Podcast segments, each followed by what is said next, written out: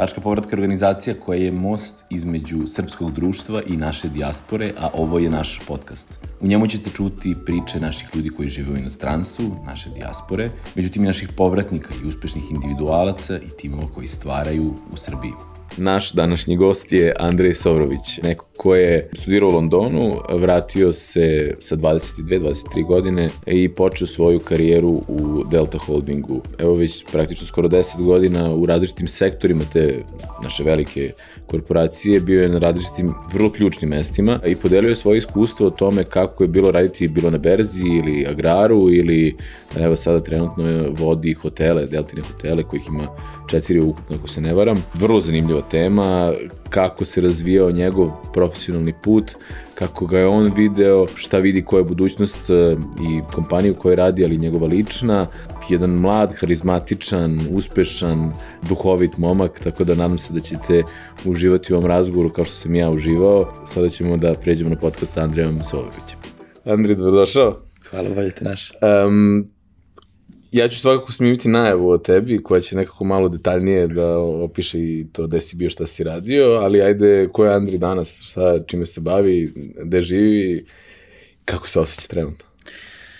Andrej danas 30-godišnjak, živi u gradu odakle rođeni gde želi da živi, trenutno i dalje u Delta Holdingu na mestu gde počeo svoju karijeru, na mestu direktora svih Deltinih hotela i člana izvršnog odbora. Uh, malo... Nisi tu počeo karijeru? Na... Nisam tu definitivno počeo, tek, tek se desilo ovaj, skoro, ovaj, ali mi se sviđa što se desilo, tako da uh, trenutno malo umoran, ali dosta dobro, zadovoljan, uh, mislim da stvari idu u nekom dobrom smeru, radim se što sam ovde, tako da... Mi na ovom podcastu uglavnom razgovaramo sa povratnicima, ljudima koji dalje žive u inostranstvu. Cijela ideja je da se malo približi to kako živeti napolju, kako živeti ovde, koje su dobre stvari, loše stvari, da jednostavno neko ko razmišlja o odlasku ili razmišlja o povratku može da, ovaj, da nekako napravi neku paralelu i da razume kako, da, da ima neki, informisano donese neke odluke. Gde si ti živio u inostranstvu? Ja sam uh, studirao i živio u Londonu, znači završio sam uh, osnovni master studije tamo, uh, otišao sam da kažem sa planom, znači već sam neku srednju školu upisao sa, sa idejom da to bude tako, prvo je bila neka u glavi Amerika, Uh, spremao sam se i za, i za SET i sve kako, sve kako, kako, kako treba da bude.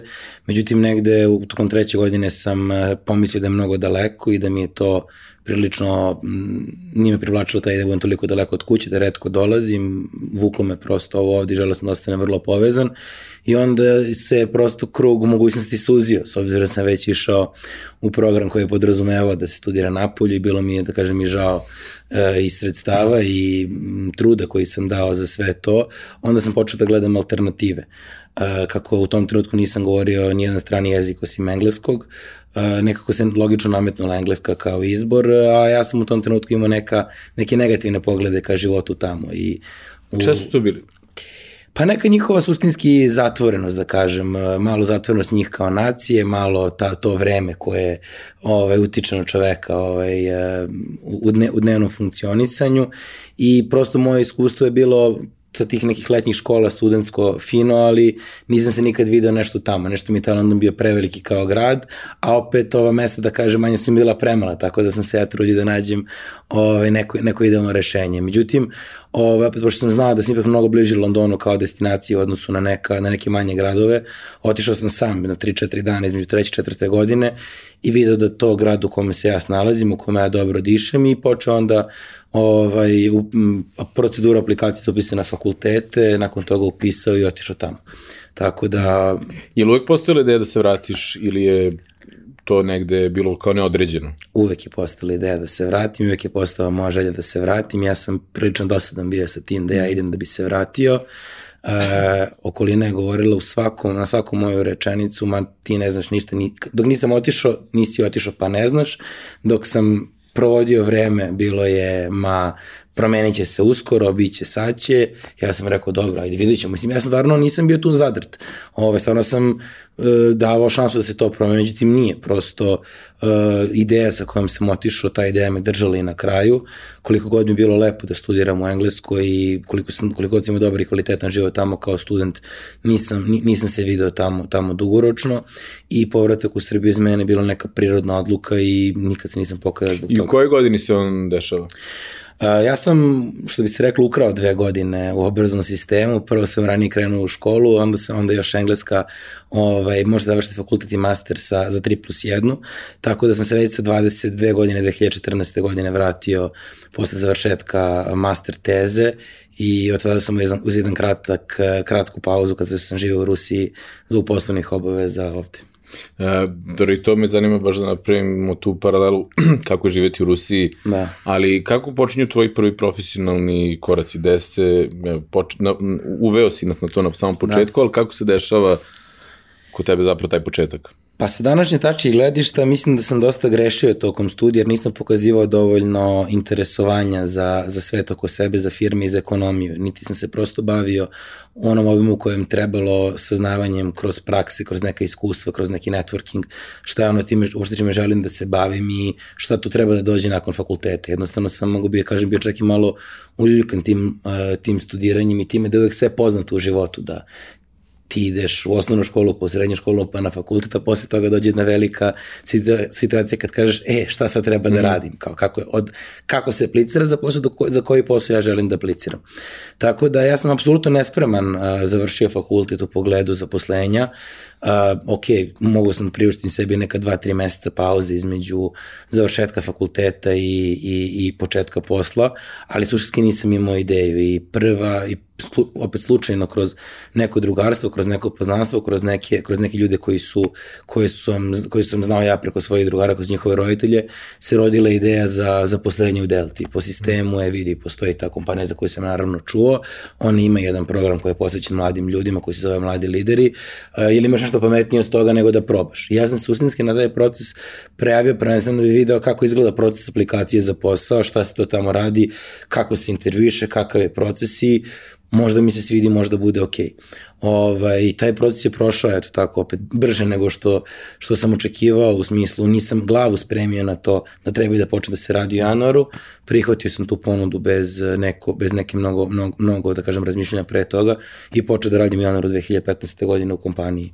A kada kažeš to da recimo da nisi imao predodređeno ni šta bi zapravo želeo, ne. ni pravac, kako te onda taj program u stvari usmerio i, i kako je... To mi se najviše svidelo u celom programu, zato što taj program je omogućavao jednu raznorodnost i šansu da više različitih stvari vidiš u nekom, u nekom krugu vremena i da zaista se tražiš kroz firmu, a firma je prilično velika, ima vrlo različite se, e, sektore poslovanja i u tom kontekstu sam smatrao da je to šansa da ja vidim gde, da, da, da se negde nađem. Tako da kroz tu prvu godinu sam imao prilike i kroz svoje iskustvo i kroz iskustvo drugih ljudi koji su bili uh, moja generacija da vidim šta je to da bi moglo da se snađem i da onda pokušam da, da se nađem baš tamo gde želim. Mhm. -huh. I kako je tu, šta, gde si prvi put osetio taj sad sa ovog, sa ovog stanovišta i pogotovo sad sa pozicije na kojoj se nalaziš, dosta si daleko dogurao od samog početka do da. tome gde si sada. I sada, pretpostavljam, imaš neku jasniju viziju o tome ko si kao profesionalac, ko si kao čovek. Gde su te prvi put počele te neke stvari da se kristališu uh, u, u, kroz, kroz rad u različitim sektorima? Kako je došlo do te neke formatiranja tebe kao profesionalca? Uh, odlično pitanje i pokušat ću da budem što koncizniji mogući. Dakle, ta prva godina je bila uh, važna zato što sam upoznavao sebe i svoj život u, u gradu u isto vreme dok sam se pronalazio profesionalnim vodama i kroz profi, u toj prvoj profesionalnoj godini bio sam malo u DMD-u, bio sam malo u nekim sek, sek, sektorima članice i bila mi se svidela ideja da dođem u sektor za strategiju i razvoj koji da kažem okuplja celu firmu i koji uči cele firme mnogo, znači koji posreduje u usvajanju strateških planova, znači da, mogu, da dođem u situaciju da vidim šta je to vizija kompanije kompanije gde ona želi da bude i da po, pola, i onda se nadam da da tražim, da tražim vreme. Tu dolazimo do moje druge godine, gde suštinski dolazi do jednog, uh, nemam bolju reča, ne volim anglicizme, stalemate, odnosno jednog mm. zastoja u mojoj karijeri i u prosto u, u tome da sam ja došao u situaciju da razmišljam da li sam što na pravom putu i kako sam ja to odluku doneo kada, kada sam se vratio u Srbiju, zato što jednostavno nisam video previše novih stvari koje, koje, koje učim, nisam, nisam imao dovoljno profesionalnih izazova i meni je zaista bilo važno da što više radim i da što više učim i moji permanentni zahtevi prema mom tadašnjem mentoru, tadašnji, sadašnji više, više podpredsednici Marije Desivojević su bili to, e, jel mogu ja još više da budu uključen, mogu više da radim i stvarno na mene ovaj, na nekim ovaj, predavanjima koja ona drži često potencira kao primer osobe koja, čest, koja je jedna od retih koja je dolazila i rekla stalno jel mogu da radim više.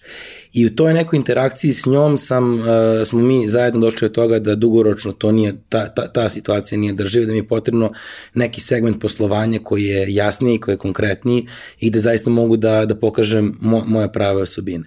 I zaista na jednu veliku sreću koja se meni tada dešava, se izmeštam iz sektora za strategiju i razvoj i prelazim u kompaniju Juhor. Mm. Prelazim, prelazim u kompaniju Juhor na mesto zamenika generalnog direktora, što je apsolutno bio presedan u tom trenutku da neko sa 25 godina ovaj, dođe, dođe na to mesto, moram da kažem i potpuno nezasluženo, s obzirom da u tom trenutku ja nemam nikakve reference da bi došao na tu poziciju, niti nešto za što mogu da se uhvatim. U toj situaciji, uh, u toj situaciji mislim da je to jedan presudan moment u mojoj karijeri kada sam zaista tu šansu zaista oberučki prihvatio. Dakle, jeste ta kompanija bila u specifičnoj situaciji, u izuzetno lošoj posle jedne jako loše poslovne godine, uh, u promeni i generalnog direktora koji je dolazio, koji, koji se vraćao stari i zaista mislim da je to ključan, ključan, ključan moment moje karijere do danas, dakle prihvatanje te šanse i shvatanje na pravi način, dakle zaista ovo je jedan veliki rad, jedno shvatanje da sa 25 godina ne možete da vladate autoritetom funkcije, da to ničemu ne vodi, da ljudi sa kojima se rađete, od kojih živite i zavisite i vi i buduće poslovanje kompanije imaju i veće iskustvo i više godina i drugačiji pogled na svet i da prosto da sam te godine uspeo da zaista pronađem sebe ovaj, da neki postulati koje sam te godine postavio, mislim da ih dobro živim i danas mi je ta godina mnogo pomogla na svim sledećim pozicijama na kojima sam bio i zaista neke principa koje sam, koje sam tada postavio da ih se držim i do dan danas kada su u pitanju saradnje sa mhm. ljudima, kada je u pitanju pogled na biznis, kada je u pitanju vrednoća, kada je u pitanju spremnost da zaista zasučete rukave, da pokažete svojim primerom uh, šta je ono što, što živite. Tako da, ovaj, eto, nas sam donekle odgovorio na Apsolutno, pitanje. da, da, e, jasno. Mislim da je i koncizno i dovoljno, kako kažem, precizno sa druge strane. Um, I sada, kada, kada kažemo da je to bila neka ključna i prelomna godina, kada si ti ispoljio i nekako uh, uhodao te neke cipele koje su ti date na kraju dana da, da, da zaista da se pokažeš. Um, kako dalje ide taj put i na kraju dana i u kom trenutku se dešava i ta Rusija i kako da. ti dalje nastavljaš da, da se uh, da se menjaš u, u svojoj profesionalnoj karijeri. Sada govorimo o tome da si ti praktično neko ko je u gostiteljstvu, u hotelijerstvu, da. tog tipa, ko je dugačak mnogo je, daleko da, od... Dugačak je bio put do ugostiteljstva da. i mnogo je, mnogo je bilo različitih izazova na tom putu i različitih poslova. Meni se danas, meni je to suštinski tokom puta izgledalo prirodno, a kada neko pogleda, to nisu ni bliske industrije, niti je sve to logično. Međutim, postoji taj veliki impuls u kompaniji da treba da se ide dalje, da treba da se grabi napred, da ljudi koji ostvaraju određene rezultate im se konstantno daju veće odgovornosti i suštinski se pratio taj put. Dakle, vrlo brzo, negde pred kraj te, što bih ja rekao, ključne godine u Juhoru dolazim u kontakt sa mnogo većim brojem ljudi, što kroz kolegijume, što kroz priliku da prezentujem rezultate, što kroz određena druženja, sastanke, zaista sa, naj, sa najvišim nivom firme, uključujući predsednika kompanije i u tom trutku se javlja neka potreba da se u Rusiji stvari promene i da potrebno neka nova energija tamo na našem ključnom tržištu za voće i povrće. Opet i tu se može naći jedna nit sa ranijim, sa ranijim iskustvom kompanije gde predsedniku nije strano da baš u Rusiju šalje mlade ljude, tako da se njemu lično vrlo svidela ta ideja da neko, da neko, da ne, da neko dvoje pošalje tamo i da im održene ruke sa verom da će kao i neki prethodni ljudi uspeti tamo da nađu svoje mesto i da će uspeti da pozicioniraju kompaniju. Tako da se već negde marta 2018. godine selim u Mosku zajedno sa svojim kolegom koji je bio u agraru, mojim sada najboljim drugom i kumom, gde smo preuzeli našu čerku kompaniju ovaj Delta Frukt i koja se bavi distribucijom, uvozom i prodajom voće povrće na tržištu Rusije, gde smo uh, u celosti pratili sve, sve operacije Delta Agrara kada je vezano za izvoz naše, na, naše robe u pitanju. Možda je ovo moment da prokomentarišem Rusiju, jedan zaista najveći izazov u mojoj poslovnoj karijeri kada u pitanju mesto stanovanja, mentalitet ljudi sa kojima sam radio, zaista i težina branše koje sam se nalazio. Sve to zajedno mi zaista na momente nije bilo previše lepo, previše divno, ali suštinski sam smatram... Šta su bili recimo tu najveći izazovi za tebe lično, da. mislim... Pa neka su tri izazova. Suštinski, sam, uh, sa, sam grad Moskva je izuzetno komplikovan, uh, što bi ja rekao, izuzetno je veliki. Dakle, to je jedna neverovatna ne, neverovatna površina 40 puta 40 mm. km, gde svi oni naši partneri se nalaze bukvalno po obodima grada, tako da zaista vi u kolijama provodite jako mnogo vremena. Zatim mentalitet ljudi koji su izuzetno hladni, teški, e, e, često inicijalno neprijateljski nastrojeni, a zbog te uh, distance u kilometrima i zbog količine posla koju imate vi ima i oni nemate vremena da ih bolje upoznate, niti se zaista posvetite jedni drugima. Dakle, sve je to vrlo striktno, vrlo profesionalno i na jednom nivou mašine koja mora da, koja mora da se kotrlje, nemate priliku da zaista napravite neke odnose koji bi vam dugoročno u poslu dali, dali dobru stvar i na kraju dana taj jedan specifičan moment industrije voća i povrća u kojem se nalazi, nalazi ceo, ceo ovaj deo Evrope, dakle jedna promena gde Rusija suštinski rastuće prelazi na sobstvenu proizvodnju, gde maksimalno protežiraju sobstvenu proizvodnju, gde vi iz jedne pozicije ste bili vrlo poželjni nakon uvođenja sankcija Evrope, e, posle anektiranja Krima i toga da imate problem kome da prodate robu i da možete da kažete cenu e, po kojoj želite nešto da prodate, dole situacija više da vaša roba nije poželjna, da imate su tu mnogo nekih logističkih problema ovaj, na licu mesta. Tako da zaista kažem, e, mnogo zatvorenih vrata, mm -hmm. koja se otvaraju na mnogo drugačije načine nego na što sam navikao, znači na drugačiji mm. način od engleski da sam živeo i studirao, opet rekao bih na drugačije načine od Srbije, mm. uh, gde, gde, gde živim, ali eto, mislim smo pronalazili načine. Koliko dugo si bio tamo? Godinu i po dana sam bio, godinu i po dana sam bio tamo, imali smo dakle zadatak da otvorimo sve velike lance kada je u pitanju naša čerka firma, dakle to su ta vrata gde, koje, gde je potrebno mnogo strpljenja i truda da se, da se, da se oni otvore, znači da se taj posao radi i mislim da smo uspevali da se pozicioniramo na jedan kvalitetan način, na jedan dobar način reprezentujemo firmu. S druge strane, opet smo mi znali, mi smo videli jako dobre trendove koji se dešavaju u Rusiji, o kojima sam mm -hmm. pričao i takođe se tu postavilo pitanje dugoročnosti našeg, našeg posla tamo, jer jednostavno to je zemlja koja u sve svojom ima jako dobro i definisanu uh, strategiju agrarne politike, strategiju ekonomske politike, odnosno koja se uvek trudi da zavisi se više samo od sebe, a što manje od drugih.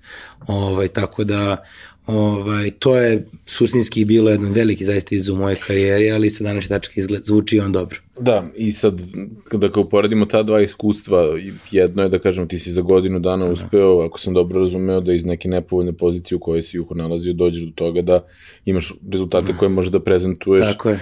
Uh, pred bilo mi mnogo žao kad su mi rekli da moram da idem. S jedne strane je bilo veliko priznanje, s druge strane, to mi se često dešava, da suštinski mi kaže, aj sad dalje, ja kažem, pa čo, što, što sad, sad tamo sam sve, mu... tamo sam sve da. postavio, da. ono, ali dobro, to je neka, to je neka čara. Da li je slično iskustvo bilo i u, i u Rusiji ili je bilo... Manje, manje. Mm. U Rusiji je bilo mnogo više olakšanje nego, nego bilo šta drugo. E, suštinski ja sam već tada znao da želim negde ponovo da se vratim. Mm. E, naravno, za razliku od mnogo, mnogo sam, mo, mogao sam mnogo češće dolazim, prosto ta povezano sa kompanijom i sa životom je mogla da bude mnogo veće. Dakle, ali opet e, tamo nisam se dugoročno video i opet e, pre nego što sam ja se izustio da kažem želim da se vratim mm. ili da li vi vidite, neko drugi i neko od ozgo me gledao i rekao ajmo da vidimo šta sad možemo da radimo u Srbiji. A šta je to sledeće bilo? Sledeći bio jedan strašno, strašno zanimljiva situacija. Vratio sam se, znači, ostao sam dalje u sastavu Delta Agrara. Sve sam razumeo, jel sad tu se tu vraćaš nešto malo pre korone? Dosta. Uh, dakle, 1. april 2019. Dakle, Aha, okay. punih, da. Ne mislim, ako si rekao da u martu, već traje, martu 18. Da, da, godinu da, dana, da, pa sam da, da, tako da, nešto. Uh, ajde, malo manje od godine i po dana, ali stal, meni stalno malo preklapaju, preklapaju dva, tri meseca pozicije, pa onda i ta, ta vremenska instanca ovaj, blago šeta za neki broj meseci. Tako da vraćam se u Delta Agar, vraćam se da vodim sektor berzanskog poslovanja, što suštinski znači trgovina poljoprivrednim proizvodima na veliko.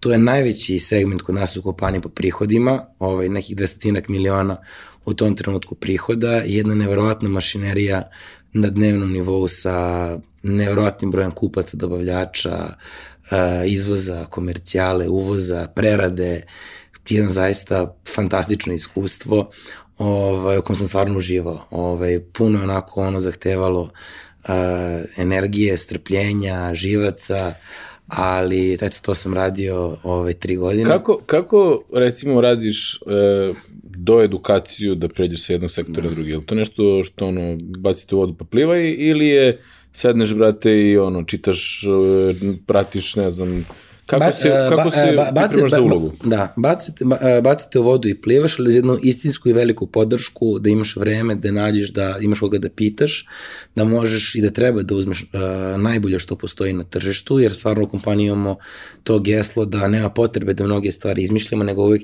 nego je potrebno da vidimo tamo gde najbolje, tamo gde od toga, on, oni od kojih možemo da učimo. Tako suštinski e, bacite u vodu, ali imaš neke prečice da to, da to jezero skratiš. Mm. Da li se oni zovu konsultanti ili se zovu kolege koji su i dalje u kompaniji koji su to radile ili se zovu pod navodnicima partneri firme s kojima, kojima firma dugo sarađuje i imaš neko vreme da se prilagodiš na tu vodu i da, i, i da naučiš na nju.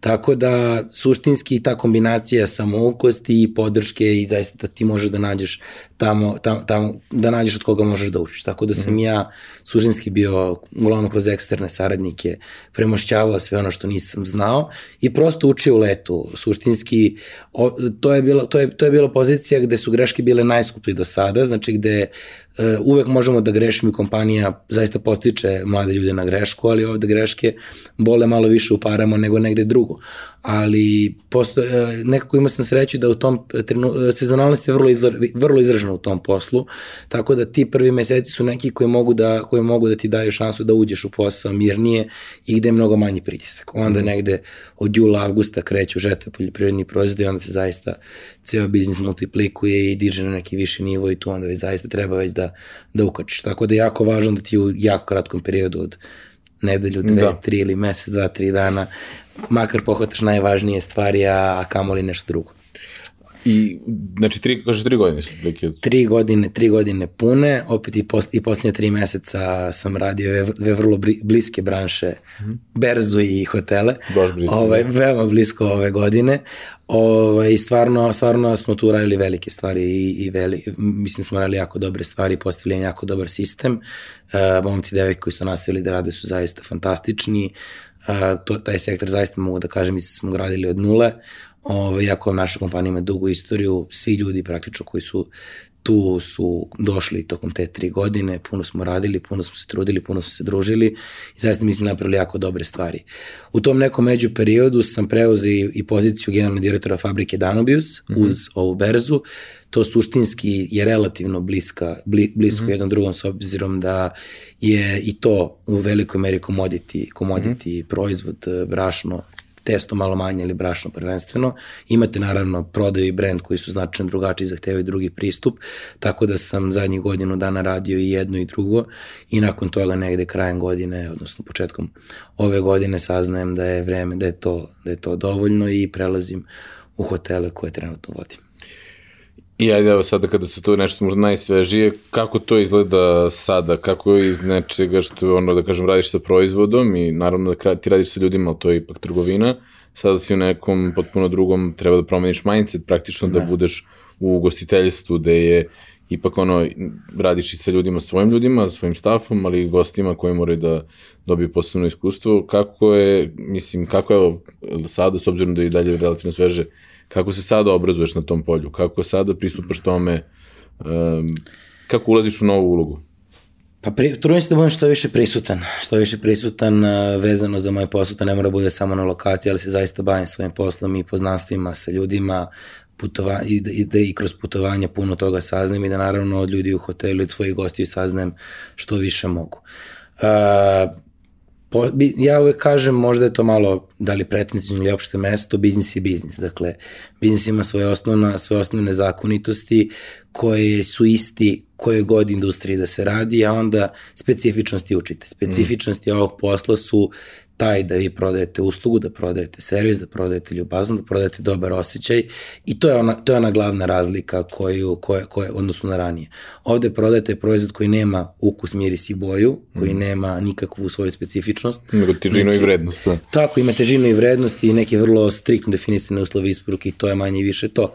Znači, takmiči, trebujete na pravo vreme u pravo mesto da malo bolje anticipirate tržište i tu leži ključ, ali tona kukuruza je ista i u Francuskoj i ovdje mm. na bilo kom drugom mestu. Možda je prevoz drugačiji, ali to su zaista nijanse. Tako da u tom delu ovde učim, ali mislim da mi je ne, donekle prirodno. Dakle, da mi to dosta dobro leži, da sam negde nikad nisam pomislio da ću se bavim time, ali uvek sam gajio veli, veliko zanimanje za prosto uh, odnos sa ljudima, za pristup ljudima, za set socijalnih veština koje morate da posjedujete, koje su zaista, mislim, ključne u današnjem, u, da, u današnjem mm. svetu. Tako da nema, nema situacije koju vi ne možete da ispeglate sa gostom kroz kvalitetan odnos i uh, poznavanje osobe, uh, koliko god to zvučalo opet mm. čudno da li je znate, ako ste uprskali stvar ili koliko god fa sve fantastično i da uradite vrhunski ako nemate dobar pristup. Tako da mm. To je nešto što se trudim da učim, ali zaista mislim i da posjetim donekle u sebi. O, sad tu nekako sve te ranije priče nekako vuku neke svoje specifičnosti i sve to i kako meni delo uvijek si nekako bio pozvan tu da u nekim uh, situacijama koje su vrlo izazovne iznedriš neko rešenje. Šta je sada recimo najveći izazov u celoj industriji, da možda da se ne fokusiramo, uh, šta, je, šta je, ajde, tvoj lični izazov, izazov kompanije, izazov industrije u ovom vremenu i prostoru u kom se nalazimo?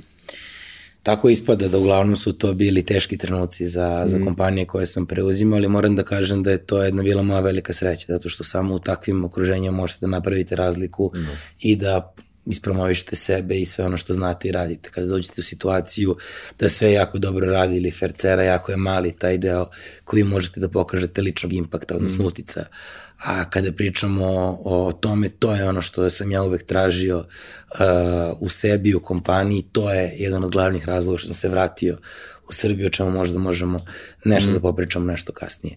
Kada pričamo o izazovima industriju, industrija je zaista pretrpela jako teške dve godine. To je definitivno industrija koja najviše propatila zbog, zbog krize izvana koronavirusom i sve ono dobro što je bilo u njoj, sva ona poželjnost i ono kada kažete često je bilo da je prestižno raditi u hotelima i da je mnogo lepo raditi u hotelima, to se dosta izgubilo. Jednostavno, svi su imali, bili veoma nestrpljivi u protekle dve godine kada je u pitanju poslovanje i, i kompanije koje se bave hotelskim biznisom i kompanije koje su vlasnici objekata su bile veoma nestrpljive, naravno da su posegle za smanjenjem troškova kao, kao, kao prvom i važnom merom u celoj toj priči i to je zaista ostavilo jedan, jedan dugoročni uticaj na industriju. To se odražava u tome što je jako veliki broj ljudi napustio industriju, prešao u druge industrije, menadžeri, pa čak i zaposleni iz hotelske industrije su veoma poželjni u mnogim drugim industrijama i oni jako lako nalaze,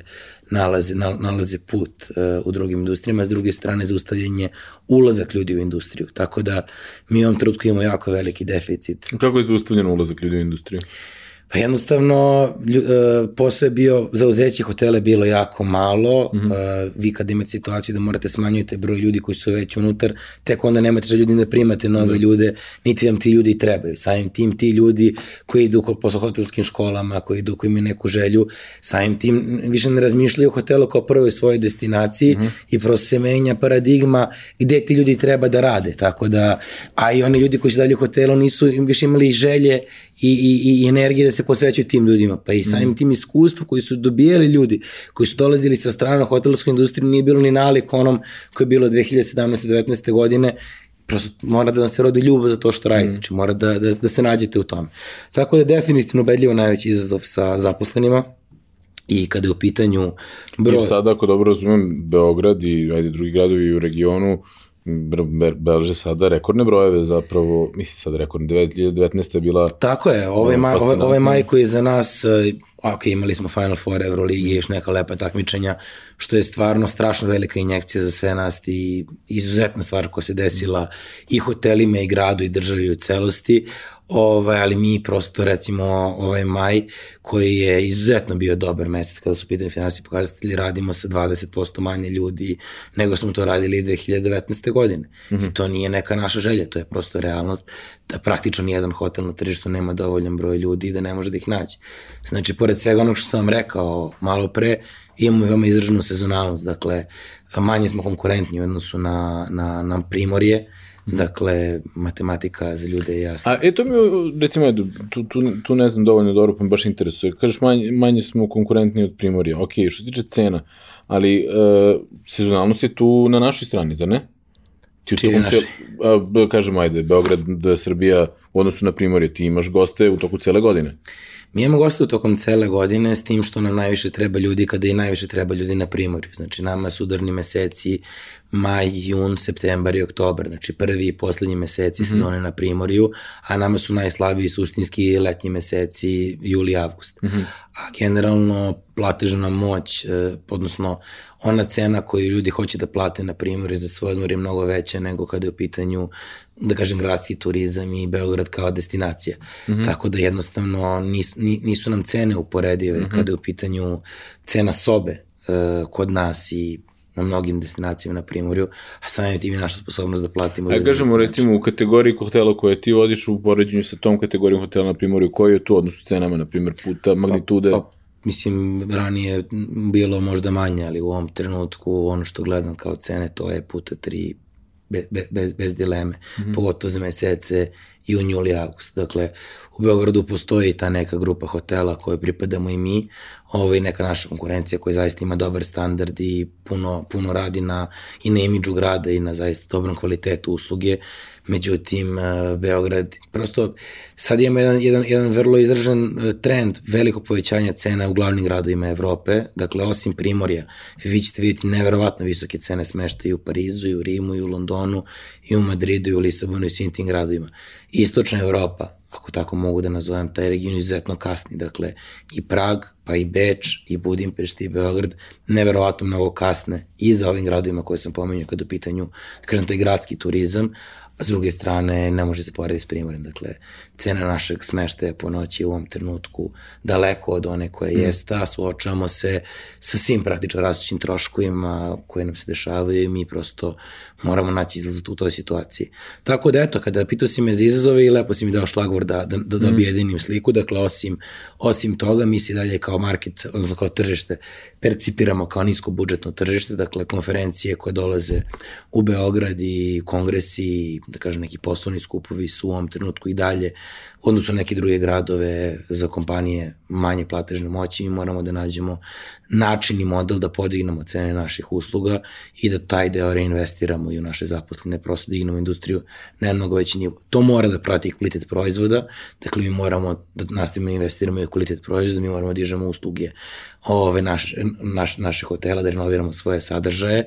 Jako je dobro što se u narednom periodu otvara u Beogradu hoteli visoke kategorije, ovaj, u prvom mestu na Beogradu na vodi ima i naša kompanija planira izgradnju interkontinentala na Novom Beogradu koji će zaista dignuti ovaj, na jedan visok nivo. Da, i ovo što dole što je Mišlen vodič prvi put uh, Apsolutno, došao. To nam, to, nam sve jako, to nam sve jako treba i jako znači. Znači, mi moramo da izađemo kao destinacija i to planiramo da uradimo sa Sava centrom. Dakle, to je jedna stvar koja je od izuzetne važnosti i za nas kao kompaniju, ali zaista mislim za grad Beograd. Znači, zaista ćemo kada budemo imali najbolji mogući kongresni centar u ovom delu Evrope, biti u prilici da, da, da, da dovedemo najbolje konferencije. Da, dovedemo najbolje konferencije, najbolje gosti da zaista to jest dignemo, sa, dignemo sve na više nivo. Sa poznanikom koji je baš vodio ovaj kongresni biro da. u TOS-u, vjerojatno naš Igore. Da, da, izuzetno, da. da. On, on, on je sad u drugoj kompaniji radi jedan fantastičan posao za nas kao industriju i to su ljudi koji nam trebaju i koji zaista ovaj, s kojima mi pun, ćemo puno da radimo da bi, da bi uradili sve o što vam kažem. I mi smo tu nešto pričali kao mi ne, nemamo mi taj kapacitet da, da, da smestimo te neke, Tako je. te neke kongrese koji broje nekoliko hiljada ljudi,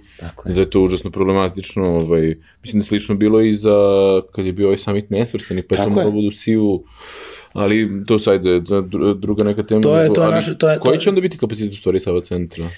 Sava centar će imati ogroman kapacitet. Mm. Ovaj, znači, mi ćemo, on će apsolutno zadržati namenu koju, koju imao Koji do sada, ali ono što se često prenebregava je da je to zaista preneseno konferencijski prostor. Mm. Naravno, na plava dvorana velika će ostati da radi svoju funkciju kako radili sada mm. i kada su pogledu i kulturni sadržaj i sve ostalo, međutim, to je zaista prilika da dovedemo sve najveće konferencije mm. u ovaj deo sveta i da opet kvalitetom usluga u hotelu napravimo jedan fantastičan paket za ljude. Da, da. Jer zaista mnogo mnogo toga imamo u ovom gradu i zaista mislim da je konferencijski centar nešto nam fali i hoteli će tu imati neverovatno dobrobit, zaista. Svi, mislim, svi, da. svi, svi, zaista.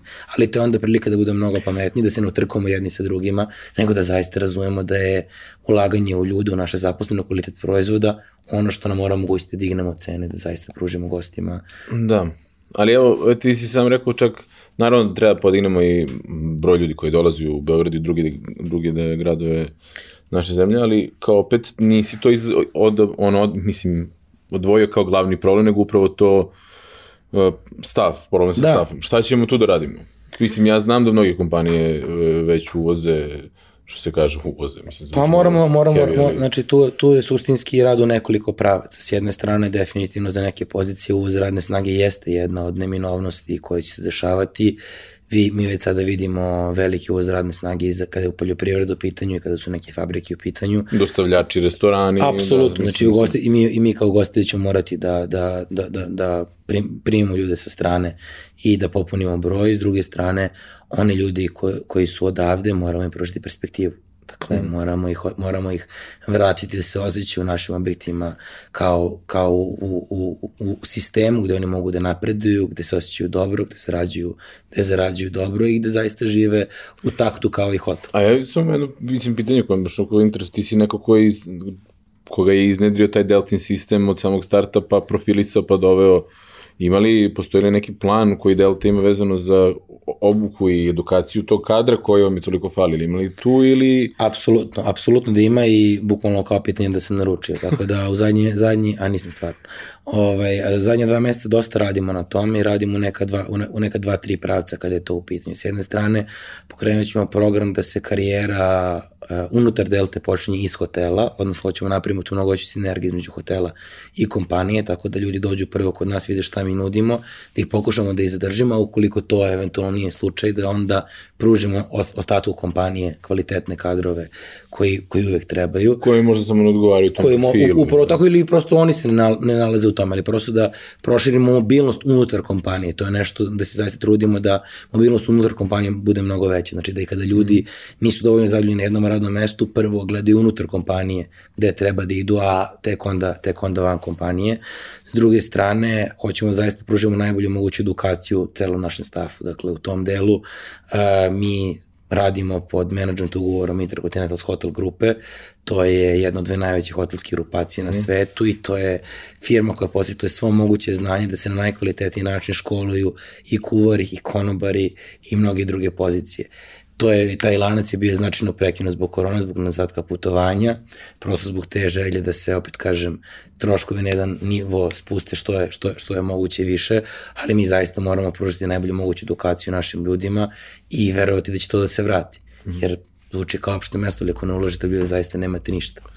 A ne da ti pitam sad nešto možda malo aj, ličnije prirode, sad delo mi je ono, i sam si rekao da si nekoliko puta pokazao da hoćeš više i jače da radiš i ne, na, Sad je na, okej, okay, ne mora, sada ne mora previše više od, od ovoga. na, ovaj, na talasu te, te, te neke tvoje ini- inicijative, energije i na kraju dana rastrzanosti, ako si, mislim, po svim tim kompanijama kojima se radi, mora si baš na terenu, mora si baš i van zemlje i sada moraš da ideš, eh, s obzirom da imate hotel jedan u Ljubljani, tu, kako tvoj privatni život izgleda u smislu, imaš li vremena za sebe Imam. i imaš li to, ono što si kad si otišao, rekao si planiram da se vratim, idem da bi se vratio, jel si dobio nazad od Beograda i kakav je Beograd za tebe sada ono grad za život?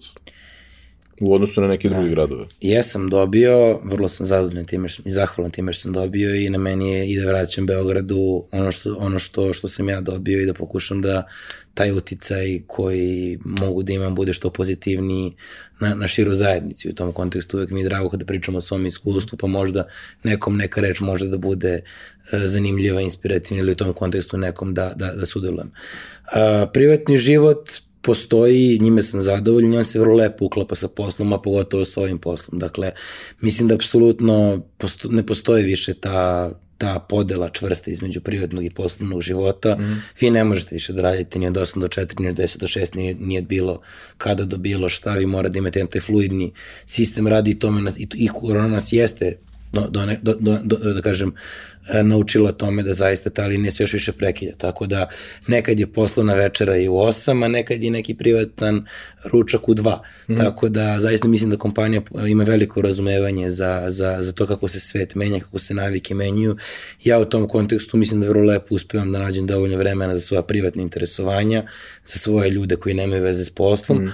a opet naravno tru, trudite se u poslu da nađete ljude koji vam prijaju i s kojima vam nije obaveza kada treba da se vidite. Odnosno, jeste obaveza jer treba nešto završite, ali da tražite neke ljude s koji su vam sagovornici, dakle, gde ćete imati više od profesionalnog odnosa. Ne morate vi da budete prijatelji, niti da mm. taj odnos ne znam koji je nivo, niti da se zanosite da će to biti kućno prijateljstvo, ali uvek se trudite da krajete. Da, se dobro razume u kum je s posla. Tako je, apsolutno, eto, u toliko, u toliko više. Tako da, ove, tra, e, ljudi, ljudi spaja interesovanje, dakle, mislim da i prosto, ajde, ti i ja smo negde sličnih godina mm. i negde, negde se menja ta priroda, da kažem, i prijateljstva, dakle, mm. uh, sada spaju interesovanje, dakle, i kada pričate o temama, znači, vi uglavnom pričate s ljudima koje zanimaju slične stvari, da li su to poslovne ili stvari vezano za ljude ili uh, za hobije, ali vas spaja interesovanje, mm. tako da ja se trudim da budem okružen ljudima koji imaju bar donekle slično interesovanje. Pa ne, zašto su ja. tvoje nekako, tvoje profesionalne interesovanja toliko raz, različite da verujem pa, da je... U, u, toliko mi je lakše, toliko u, toliko, lakše, u toliko da. mi je lakše i stvarno mislim da sam često solidan sagovornik raznoraznim ljudima iz posla i suštinski je jako dobro unutar, unutar naše kompanije jeste ta prilika da I pored ovog što sam radio, što je prilično raznorodno, učimo nekim potpuno drugim biznisima.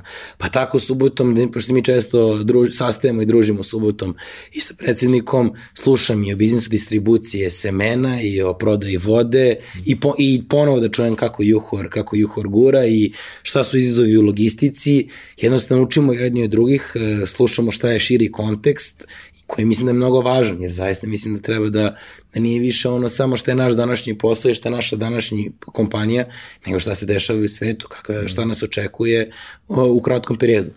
Tako da... A, recimo, izvini se što ništa, ste Mogu da sam rekao tako da, eto, to bi, to bi izmenio sledeći put. O, ovaj, uh, bio si već par puta u inostranstvu i sad uvek se hvataš za neki novi izazov.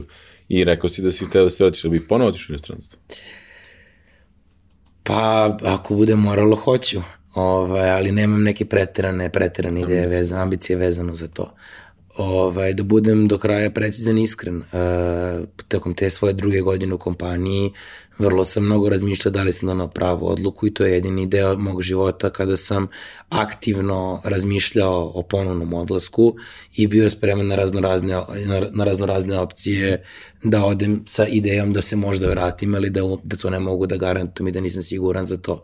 U ovom trenutku sam zaista izuzetno zadovoljan momentom koji, koji jeste, situacijom gde se nalazim i opet tom šansom da kroz sobstveni rad utičem na, na, na, proces, na poslovne procese, na gradu u kom se nalazim, svoje okruženje i to ne bi zaista menio. I to jeste neki osnovni razlog i zbog kog sam se vratio. Možda je to malo iluzionistički, možda je to malo, da kažem, bilo i klinački, ta neka dečija želja da se e, utiče, da se napreduje, da se stvari ne, ne, ne prihvataju kakve jesu, nego da mogu da se promene zaista sam imao tu sreću da dođem u priliku da to, da, da, da, mi se, da mi se da prilika da menjam stvari, mislim da ih menjam koliko god je u mojoj moći. I trudim se da pričam ljudima da je to nešto što je dvosmerna ulica, dakle, ja i dajem i dobijam u tom procesu, dakle, nije to utopistički, ja želim mir u svetu, dobrobit, uh, ljudima oko mene. Naravno da da, želim da širim utica, ali ja se hranim njihovom energijom, puno učim, spreman sam da, da lomim dalje prepreke, sarađujući s ljudima i videti da to što ja uh, radim sa ljudima utiče dobro i na mene i na njih. Mm -hmm. e, imamo neka pitanja koja postavljamo preču svim gostima i ovaj, ona su koja je to knjiga koju si najviše puta poklonio nekome? A, vrlo kliše, a, najviše puta sam poklonio malog princa. Pa dobro, o, kod nas nije kliše. A, dobro, mislim da, da, zato što je onako već postala dosta ova knjiga koja se šeruje po Instagramu i neki citati. Mm. I to i, da kažem, jeste neka knjiga koja je relativno ove, pojednostavljeno govori mnoge stvari, ali zbog određenih poruka iz te knjige, a pogotovo zbog nekih a, a, promena u ljudima u protekle dve godine, jedne značajne sebičnosti koja se javlja u ljudima i nekih, e, da kažem, za, mene negativnih promena u ponašanju, da kažem, koje nam i korona donela, je to nešto za čim posežem u, u protokom periodu. A baš, eto, na, na tragu toga, e, drugo pitanje koje je uglavnom, ono koje nam je uvek relevantno, jeste da imaš sa svojim iskustvom da imaš magični štapić i da možeš samo jednu stvar u našem društvu da promeniš, državu ili društvu i da je to onako jedan klik za 24 sata, svi su se na to navikli kao na najnormalniju stvar, koja je to stvar? Ovo je sad dramska pauza, pokušavam da mi nešto dođe brzo na pamet. Verovatno ono što ti prvo palo na pamet. Pa prvo mi je, prvo mi je, prvo mi je palo na pamet uh, manje izloženost glupostima kojom smo okruženi u smislu, u smislu televizije. Ovaj, mislim Jel da... gledaš televiziju? Pa minimalno. Postoje neke par emisija koje gledam, da li ih pogledam na internetu ili na, mm. a ima ih i na televiziji, to, je, to, to se dešava. Znam sve što se dešava, znači ne, ne foliram se da ne znam ni šta mm. se dešava u reality showima, ali to je uglavnom kroz uh, clickbait naslove mm. na portalima. Mislim, mislim da smo stvarno neverovatno, uh, da društvo sa neverovatno veliki potencijalom i da samo je stvar uh, zatrovanosti nekim, ne, ne, nekim stvarima koje nam se serviraju na dnevnom nivou Uh, I to mi to bi je to možda promenio. Mm. Ovaj nije to neka želja da da je to uh, problem društva koji je kriv za sve daleko od toga i mislim da u redu mi je potpuno da postoje reality program i potpuno mi je recimo u redu da postoji izbor ljudi da gledaju i to je bilo šta drugo. Ali mislim da suštinski trenutno danas ljudi imaju sužen izbor. Uh, oni, oni formalno imaju izbor, ali su realno manje ili više zbog osuđeni na, ta, na te neke programe, jer jednostavno se prečesto dešavaju na programima i prosto bi, eto, voleo da uh, imaju širu, širu sliku svega što se dešava mm. oko nas. Ovaj, tako je, to mi je prvo palo na pamet, možda ne bi donalo preveliku promenu, možda sam mogao da budem... Ja mislim da bi to donalo ono, ono kaskadnim da. efektom mnogo veću promenu nego što pa, mislimo. Da, zato kažem, e, ni, ni, opet, trudim se da ne, ne, ne budu utopistički, niti da sad sve svalimo to, na tog nekog zlog čiku mm. koji uništava našu decu, što mm. bi se pisalo po Twitteru, mm. ona neka opšta mesta, ali mislim da prvenstveno eto, možemo da pružimo neke raz, drugačije sadržaje i možda, eto opet, e, internet je neverovatna riznica svega. Mm. E, ne, prosto možda, možda može na televiziji da bude šta god hoćete, sve dok je dostupnost internetu i neka obrazovanost ljudi kako da koriste internet da bude na nekom većem nivou. Da, takođe najveća riznica svega, ali takođe i najveći, apsolutno. ono, najveća jama. Ono... Ja, jama, apsolutno se slažem, tako da kažem... Uh, edukacija. Da. edukacija da... Mislim, da, mislim da televizija dalje apsolutno dominantan sistem informi, informisanja naš, našoj zemlji i razonode, mm. da kažem na taj način. Ove, svi smo u tom modu rasute pažnje, želje da saznamo sve više, da pokupimo što više možemo, a definitivno nam treba i puno fokusa i puno i ovakvih razgovora i svega ostalo, mislim. Ono što mi je najzemljivije inače u ovoj formi podcasta jeste usmerenost čoveka jedan na drugo, bez da pogledaju telefon tokom, tokom trajanja isto, što je stvarno nevratna redkost. To je jako, jako redko i to je nešto što, recimo, ja imam taj problem isto, isto kao ti, ja isto čitam sve, ono, moj, moj screen time je 8,5 sati, ja mislim, je tako neka bolest. Ovaj, malo, znači ti si pak zanija, bar sad mi je lakše. Zavisi kako, kada. Da, ali sad, sad mi je bar malo šetam lakše. Šetam između 7 i 8,5. Da, okej, okay, ja, sam to, ja sam tu malo ispod toga, ali ništa zadivljujuće više da, od toga. Da, ne, ne, užas. Uh, I onda, ali sam ja takođe kao na, na pragu toga između uh, učim se malo da se, posao mi je tako da moram sam stalno i na telefonu i stalno sam u, Ali, ali se često i krijemo iza toga. Ja, ja, ja sam sebi priznao da se krijem kada sam vidio koja aplikacija koju prvu pogledam uh, na telefonu, pošto je to pa Instagram. Instagram. Meni nije.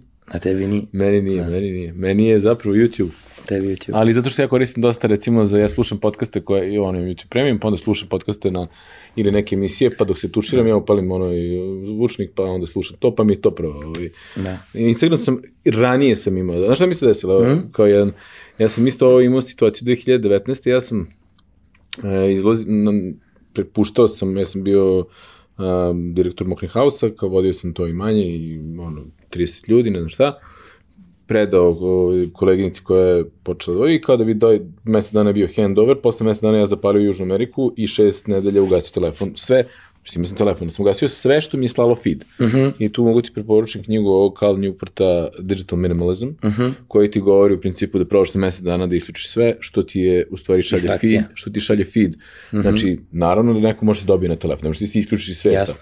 Ali nema Twittera, nema Blica, nema Nenija, nema ono, nego sve što ti šalje feed tebi, to je gotovo. I tu mi se u stvari desilo. Tad sam pauzu stavio na Instagram i nakon toga sam uspeo da malo... Ja nemam notifikacije, nemam ništa, ono, me Ja, uđem... no, ja samo kad pomislim koliko, koliko imam prostora za napred, da pomislim na to, kad to smanjim, Da. nego ću vremena otvoriti za neke mnogo pametnije stvari. Neće drugo nego što će ti ovo odvući pašta sigurno. Pa dobro, ali neće, neće takva banalnost i bit će, verujem, korisnije s obzirom Da. da. da se ovde vrtim permanentno u istom krugu.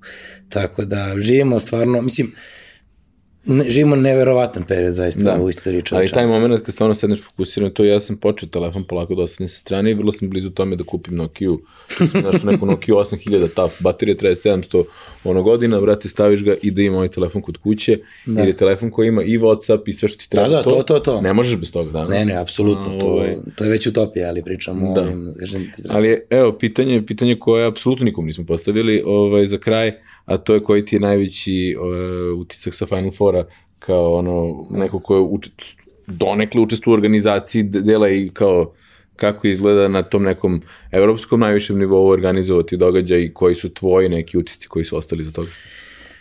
Utisak, veliki utisak jeste da smo još jednom pokazali da smo prvo kadri za tako nešto, da apsolutno možemo na najviše mogućem nivou da uradimo najveće moguće manifestacije na nivou kakva i gosti iz Eurolige kažu da nije bio do sada i da i dalje napredujemo, dakle da i grad i mi u hotelu i svi ostali radimo na boljem nivou nego 2018. godine kada je protekli bio Final Four.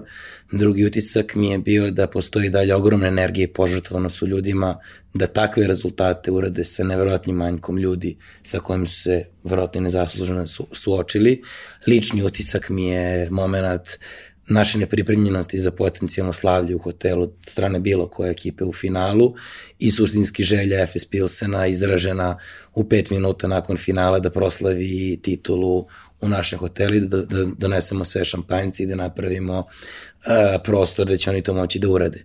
Mi u tom trenutku, ja u tom trenutku između arene, peške između arene i hotela, neki ljudi u hotelu sa našim licu mesta, apsolutno nepripremljeni za celu situaciju i naše apsolutno zajedništvo da to iznesemo, da nađemo muziku na voždovcu koju ćemo dovesti, da nađemo dovoljno šampanjaca koji će oni otvoriti, da ćemo mi zaraditi, da ćemo da nađemo ljude koji će to na pravi način raditi, njihovo zadovoljstvo da to, što znači da znanje imamo, da energiju imamo, da nam je potrebna bolja organizacija. Tim imate. Tim imamo da nam je potrebna za nijansu bolja organizacija, više promatranja i da apsolutno vera, vera u nas postoji i da zaista znam. I ono što me zaista najviše motiviše, ja mislim da sa velikom uh, pasijom pričam o poslu koji obavljam i na dnevnom nivou imam jako veliku energiju. Osnovni razlog toga jeste potencijal koji vidim u, ovo, u ovom hotelu, koji trenu, u, u svim hotelima koje trenutno vodim, uh, u industriji u kojoj se nalazim i saista vidim su mnogo bolji dani pred nama i da je jedna mnogo lepa industrija gde mogu samo da se dobre stvari dešavaju u narodnom periodu. I trudim se da nateram ljude da mi poveruju. Ovaj, pošto... Evo, ja počinjem da ti verujem. Ovaj, tako da, a, a onda se čujemo da kada se za 4-5 godina budeš se bavio nekom astrofizikom, onda da se ponovo jedan ovaj... Ne znam, ovaj, uh, vidi, uskoro, uskoro iscrpljujem se, mno, većina in- biznisa kojima se Delta bavi, tako da se krug polako zatvara, mislim, polako ulazimo u neke nove biznise. Vidi A- da, da je komerci sledeći. Ne, a, ne znam, ne znam, ove stare su mi nekako pre, mnogo draže, moram ti kažem, ove, ja koliko god bio mlad, neko se lepo snalazim u tim, ja to navodnicima kažem, teškim tradicionalnim biznisima, mm. ove, koji su i dalje, koji se svode na neku prostu logiku i na neki odnos sa ljudima, to je mnogo više prija nego, i, a opet je to i prostor za rast i za napredak, dakle, učenje o svim modernim trendovima, svemu što nam se dešava, tu sam moram da kažem vrlo loš. Uh, kada je, znači, u, u tim diskusijama sam sa ljudima okolo, tu nisam neki sagovornik, tu mogu samo da slušam i da klijem glavom na sve kriptovalute, digitale, e-komerce, NFT-ove i sve ostalo što se dešava. Ovaj, tako da ovde se lepo snalazim, dobro se osjećam. I to je mnogo važno pitanje, znaš, mislim da je to pitanje koje moramo češće postaviti meni i drugima. Kako se trenutno osjećaš i, mm. i šta može bolje. Tako da, eto, hvala ti na tom pitanju i na svemu ovom na, sad. to, na tu notu, hvala ti stvarno što si bio naš gost, dvojio svoje vreme i kao, na, nadam se da stvarno možemo i, i u nekom dalje iteraciji da pričamo i o uspesima i promenama koje su desile u, u ovoj, u ovoj godini, sledećoj godini, godinama koje dolaze. Tako da, hvala I ja puno. se nadam, hvala vam puno što je ovo moja prva prilika da razgovaram sa nekim u ovoj vrsti forme. Uh, mislim, da je, fan, mislim da je fantastična stvar koju radite na jedan vrlo organizovan način kada je u pitanju povratak mladih i uopšte ne samo ne povratak, nego otvaranje iskustava u oba smera kada su mladi ljudi u pitanju, ne samo mladi ljudi, nego, ne, nego bilo ko. Mislim da to je jedna, da kažem, uh, ambiciozna inicijativa, ali koja radite na jedan vrlo strukturirani i lep način i veliko mi je zadovoljstvo da podelim svoje iskustvo i nadam se će vam bar nekom biti zanimljivo. Hvala ti puno i siguran sam da hoće. Hvala tebi.